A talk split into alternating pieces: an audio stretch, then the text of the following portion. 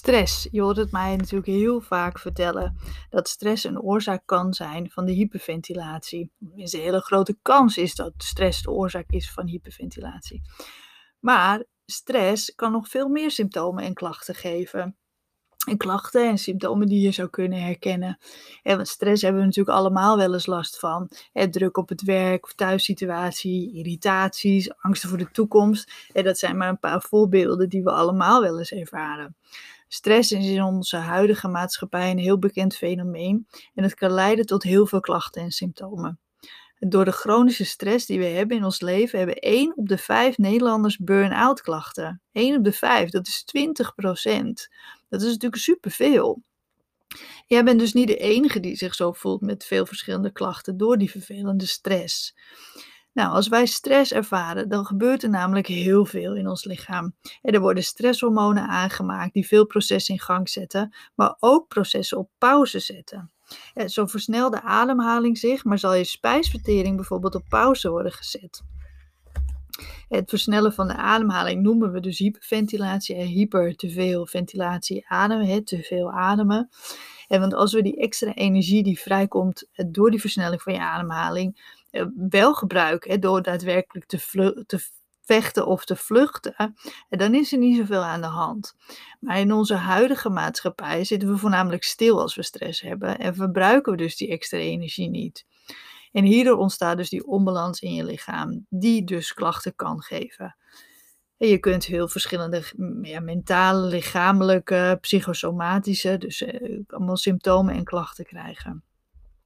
Heb jij klachten waarvan je vermoedt dat ze veroorzaakt worden door hyperventilatie of stress? Nou, dan ga ik die nu eens behandelen om te kijken wat, wat de meest voorkomende klachten zijn en hoe dat komt. Vermoeidheid ben je ook altijd gewoon heel erg moe en voel je je heel erg uitgeput en moe. En dan is de kans best wel groot dat dit komt door chronische stress en, hyper, en of hyperventilatie. Stress kost namelijk ontzettend veel energie. Maar ook door die onbalans die ontstaat in je lichaam kan je heel vermoeid voelen. En ook kan je vaak daardoor heel slecht ontspannen en niet goed slapen. En dat komt ook door die hoge spiegel van stresshormonen. En dan juist dat ontspannen en goed slapen heb je natuurlijk weer nodig om op te laden.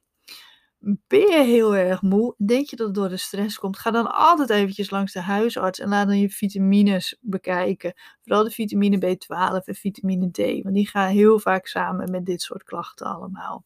Daarnaast natuurlijk ook alle andere waarden, zoals bijvoorbeeld schildklier. Slecht slapen door stress. Dat is de tweede. Dus niet uitgerust wakker worden, nachtmerries, onrustig slapen. Als je dat regelmatig hebt, is de kans groot dat je aan het hyperventileren bent in je slaap. Door overdag veel spanning en stress te hebben, lukt het dan vaak niet goed om te ontspannen en tot rust te komen. Waardoor je lichaam en brein als het ware aan blijft staan en niet goed tot rust komt. Hierdoor slaap je slecht en rust je onvoldoende uit en kom je in een vicieuze cirkel terecht. Ik heb al eerder een podcast opgenomen over hyperventilatie in je slaap. Dus wil je daar meer over weten, dan kan je die natuurlijk beluisteren. Of even op mijn site kijken. Want daar staat sowieso alles uitgelegd over alle klachten die ik nu benoem. Maar keelpijn door stress. Dat is er niet eentje die je heel vaak uh, ja, meteen koppelt, hè? keelpijn. Een brok in je keel, moeite met slikken, dat door, de, door de hyperventilatie, dat zijn eigenlijk wel heel veel voorkomende klachten, terwijl je ze niet zoveel hoort. de hoge spierspanning die namelijk ontstaat door de spanning en het verkeerde ademen geeft klachten in en rondom de keel.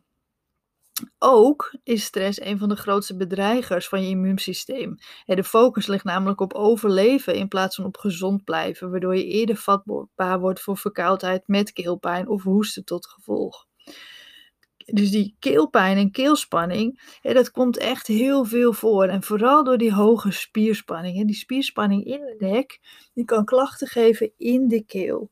Dus heb je daar veel last van, is het gewoon belangrijk dat je aan de spierspanning gaat werken, uh, die, uh, ja, die, die vaak gewoon heel erg hoog is in die nek en die schouders. De volgende is darmklachten door stress acute diarree, obstipatie, buikpijn, darmklachten, die gaan heel vaak samen met stress. Onze darmen worden ook wel eigenlijk onze tweede brein genoemd, omdat ze zoveel neuronen bevatten en stress veel invloed heeft op onze darmwerking. Bij acute stress zal je merken dat je acuut naar de wc moet met diarree. En bij langdurende stress zal je vaak merken dat je last hebt van verstopping en obstipatie. Daarnaast kan je ook krijgen van het prikkelbare darmsyndroom of een spastische darm met klachten als een opgeblazen gevoel, krampen, diarree, obstipatie of slijm bij de ontlasting. En vooral dat diarree, dat is vaak wel iets wat heel veel mensen herkennen. En die gaat vaak samen als je een paniekaanval hebt of je krijgt slecht nieuws of je schrikt er ergens van en opeens moet je naar de wc rennen en willen je darmen zich legen dat komt echt door, door, door, die, die, ja, door, door die stressreactie van ons lichaam. Maar heb je dus langdurende stress, dan wordt er te kort energie gegeven eigenlijk aan de darmen, want die hebben op dat moment geen prioriteit. Ja, en dan kan je dus last krijgen van, uh, ja, van andere darmklachten. Maar naast darmklachten is maagpijn ook iets wat heel vaak voorkomt. Maagklachten, maagzuur, misselijkheid, verminderde eetlust. En ja, dat komt omdat stress je spijsvertering dus eventjes op pauze zet. En dat zorgt ook weer voor de aangespannen spieren. En voor, met, voor sommige mensen een pijnlijk of zeer, zeurend gevoel in je buik. Hierdoor zal je ook een leeg gevoel in je maag kunnen ervaren, maar ook een verminderde eetlust of misselijk. En continu zo'n misselijk weeg gevoel hebben. De spanning door de, op je middenrif, door de hyperventilatie, speelt hier vaak dan een hele belangrijke rol in. Op het moment dat wij te veel en te hoog ademen, dan raakt ons middenrif namelijk, namelijk overbelast. En eh, ja, je middenrif zit ter hoogte van je maag. En daarom kan je dus middenrifklachten, middenrifspanning, ja, verwarren eigenlijk met maagklachten. Um, waardoor je ook een misselijk gevoel kan hebben. Maar omdat er zoveel spanning ter hoogte van die maag zit, kan je ook ja, gewoon geen trek hebben in eten bijvoorbeeld. Hormoonklachten. Dat is zeker ook iets wat in het rijtje thuis hoort. Chronische stress gooit namelijk je hele hormoonhuishouding in de war. Doordat je te veel stresshormonen, cortisol en adrenaline aanmaakt, kan de rest van je hormonen dan in de war raken. Hierdoor kan je problemen krijgen met je menstruatie, met de overgang, maar ook bijvoorbeeld moeite hebben met afvallen of aankomen. Maar ook kan je schildklier bijvoorbeeld ontregeld raken met een te snelle of een te langzame schildklier als gevolg. Hormonen echt, die spelen echt wel een hele belangrijke rol. En um, vooral de vrouwen zullen dat merken dat, dat ze uh, meer of minder klachten hebben in de, in de menstruatiecyclus. En daarom is het aan te raden om dat dus een tijdje bij te houden, dat je daar wat meer inzicht in krijgt. Nou, paniek, paniekaanvallen, ja, die herkennen we natuurlijk sowieso wel. Hè? Niet iedereen heeft paniekaanvallen, maar dat is natuurlijk wel iets wat we echt wel associëren met stress als we te lang met spanning en stress blijven rondlopen, dan kan je dus last krijgen van paniek en paniekaanvallen. Acute hyperventilatie, duizelig, zweten, snelle hartslag, wazig gezicht, het gevoel dat je neer kan vallen en dat er iets heel ernstigs met je aan de hand is. Ja, paniek is op zichzelf natuurlijk niet ernstig, maar het is wel heel erg naar als je daar last van hebt. En want vaak krijg je hierdoor weer angst voor de angst en ga je dingen vermijden. Um, dus, dus die paniek, ja, dat is echt een, een, een, uiting. Als je te lang stress hebt, dan, dan kan de, de druk zo hoog oplopen dat je last kan krijgen van paniekaanvallen. Ook daar heb ik al een podcast over opgenomen. Dus als je last van paniek hebt, dan zou ik die zeker ook even beluisteren. Nou, hartklachten door stress, dat is ook wel een bekende hè, voor veel mensen. Pijn op de borst, hartkloppingen, overslaande hartslag bijvoorbeeld. En die laat je echt twijfelen of er toch niet iets eh, ja, ernstigs met je aan de hand is. Toch zijn deze klachten vaak heel goed te verklaren aan de hyperventilatie en aan de stress. Maar bij twijfel is het natuurlijk altijd belangrijk dat je contact opneemt met je arts. De pijn op de borst, dat zijn je ademhalingsspieren die tussen je ribben in zitten. En door, ja, als je te veel te hoog zit te ademen, raken die spieren gewoon overbelast. En kan je dus ja, pijnklachten krijgen bij je ribben. Ja, en die zit natuurlijk op de borst. En hartkloppingen, dat komt natuurlijk door die stresshormonen. En die overslaande hartslag, ja, dat is natuurlijk ook iets wat heel beangstigend is. Maar ook dat uh, ja, is op zich gewoon onschuldig, maar het is wel heel vervelend en beangstigend. Spierpijn. Die komt echt heel veel voor. Want als wij gespannen zijn, ons irriteren of bijvoorbeeld bang zijn, dan, dan spannen we onze spieren aan. Dat is gewoon een hele natuurlijke reactie. En als je last hebt van hyperventilatie, dan komt daar de onbalans, die zorgt voor verzuring, ja, die komt er dan nog eens bovenop. Spierpijn, vermoeide spieren, tintelingen, slappe benen, krampen kan je in je hele lichaam eh, krijgen. En vooral vaak heb je dan spierpijn in je nek, schouders en borstkas. Maar ja, het kan ook in je, je middenrif, je benen, je voeten, je gezicht. Overal kan je spierpijn krijgen. En uh, ja, dat komt vaak omdat we toch veel te veel onze spieren gaan aanspannen. Omdat als je, als je gespannen bent, dan doen we dat nou eenmaal. Uh, maar ook dus die onbalans in je lichaam, die zorgt voor verzuring, dat je veel gevoeliger wordt voor spierpijn. Nou, duizeligheid, duizelingen, onstabiel gevoel, draaierigheid, dat maakt je vaak erg onzeker. En uh, het gevoel dat je niet goed op, niet zeker op je benen staat, ja, dat zal weer vaak zorgen voor meer spanning en stress. Je kunt ook een continu gevoel van duizeligheid ervaren, maar ook aanvallen van draaiduizeligheid hebben. Heel vaak gaat dit ook samen met vermoeidheid, paniek en vooral hele hoge spierspanning in die nek en die schouders. want als je heel veel spierspanning in die nek en die schouders hebt, dan is de kans heel groot dat je daar duizelig eh, van wordt.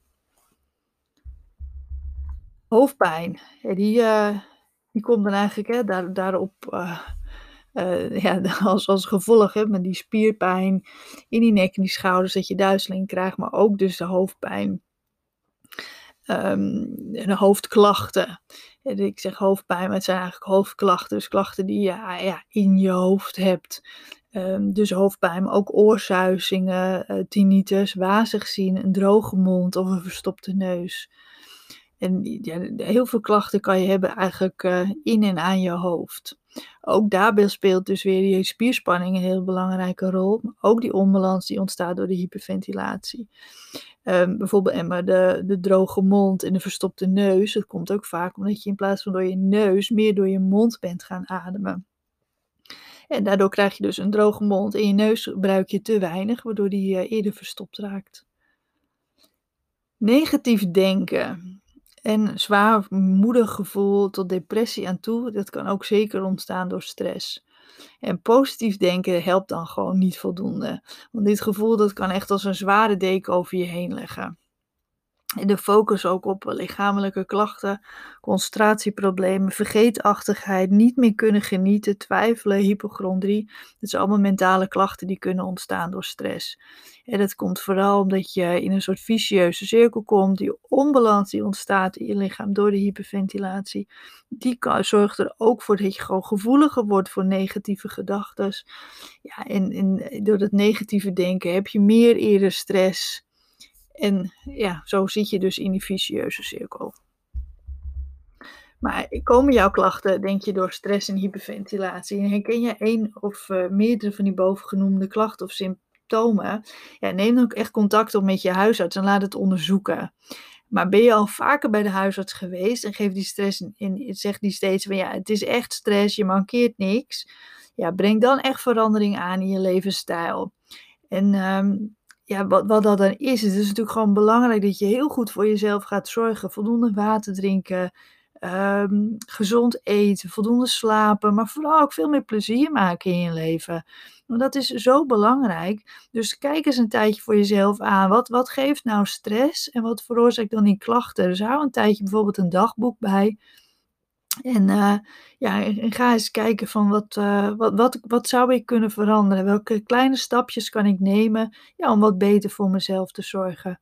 En je kunt bijvoorbeeld ook mijn boek lezen, daar staat het heel uitgebreid in. Eh, of een van de online cursussen volgen, hè, waarin we stap voor stap gaan werken aan, aan jouw klachten.